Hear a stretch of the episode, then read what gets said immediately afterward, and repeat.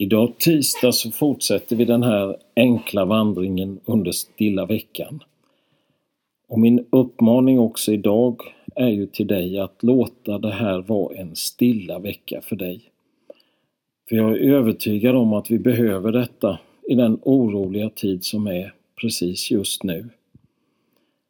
För faktum är att man kan ta vara på den här tiden och låta det vara möjligheternas tid.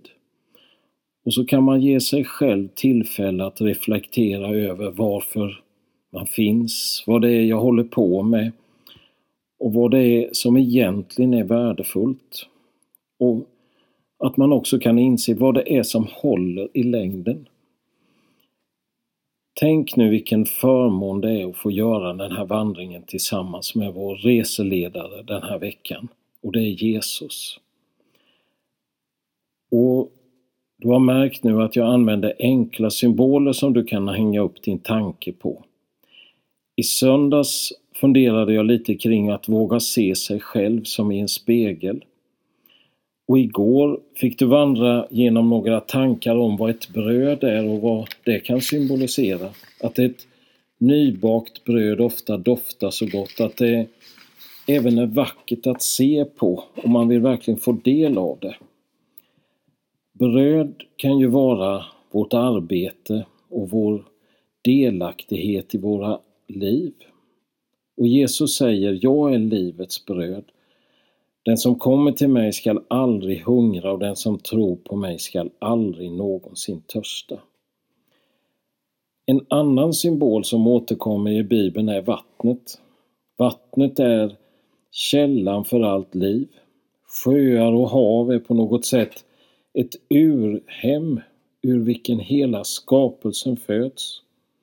I vår mors kropp har vi alla vilat, omslutna av fostervatten.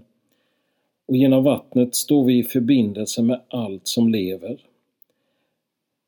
Och du vet lika bra som jag att rent vatten är livsnödvändigt för hela skapelsen.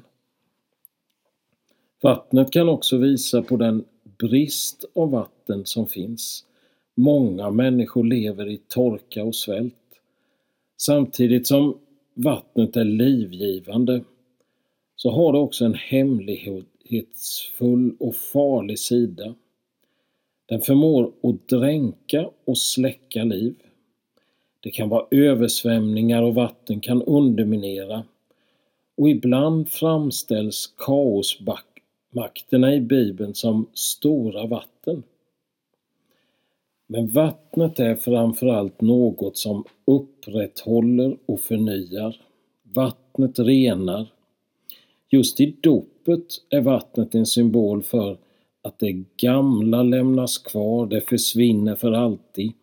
Vattnet återskapar och ger ny rening. Det blir en nyskapelse.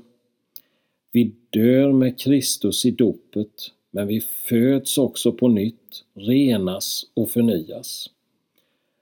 Vattnets höga värde gör att det används flitigt i Bibelns bildspråk. Och det finns ingen bild där som används just så flitigt som vatten. Idag är det flera bibelord. Men helt klart är det så att bibelordet alltid håller. Om vi börjar i Gamla testamentet hos profeten Jeremia i andra kapitlet. Han skriver Ty mitt folk har begått en dubbel syn, det har övergett mig, källan med det friska vattnet och huggit ut cisterner, cisterner som spricker och inte håller vatten. Lite längre fram i Jeremia så skriver han Herren källan med det friska vattnet. Och du har säkert läst psalm 23, herdesalmen. Där står det Herren är min herde, ingenting ska fattas mig. Han för mig i vall på gröna ängar. Han låter mig vila vid lugna vatten. Vattnet som ger liv, där jag kan vila. Om vi bläddrar tillbaka till i vår bibel till första Mosebok och det första kapitlet så står det Jorden var öde och tom Djupet täcktes av mörker och en gudsvind svepte fram över vattnet. Och lite längre fram står det Gud sa Vattnet ska vimla av levande varelser, fåglar ska flyga över jorden under himlavalvet. Och i psalm 18 Från höjden fattade han min hand och drog mig upp ur djupa vatten.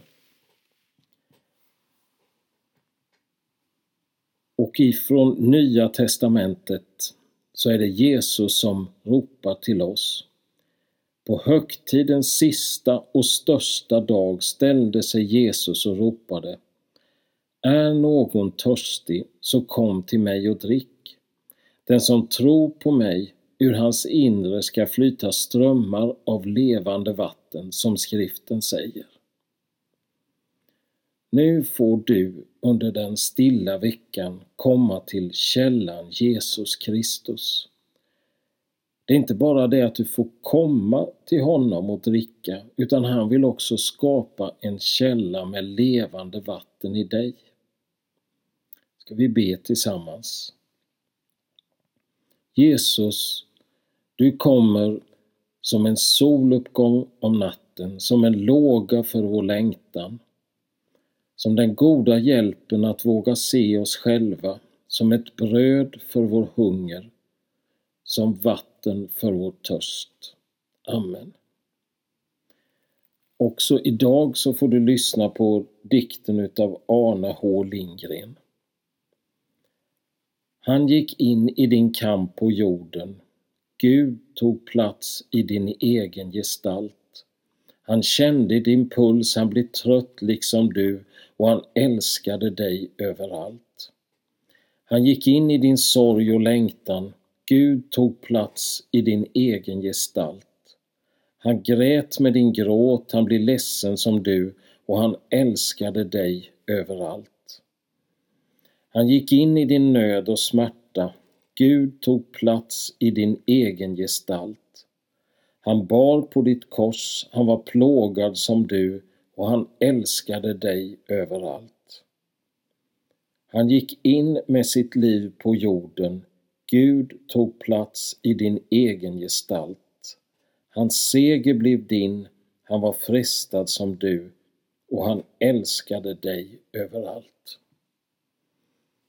Och jag vill också önska dig Guds rika välsignelse den här dagen.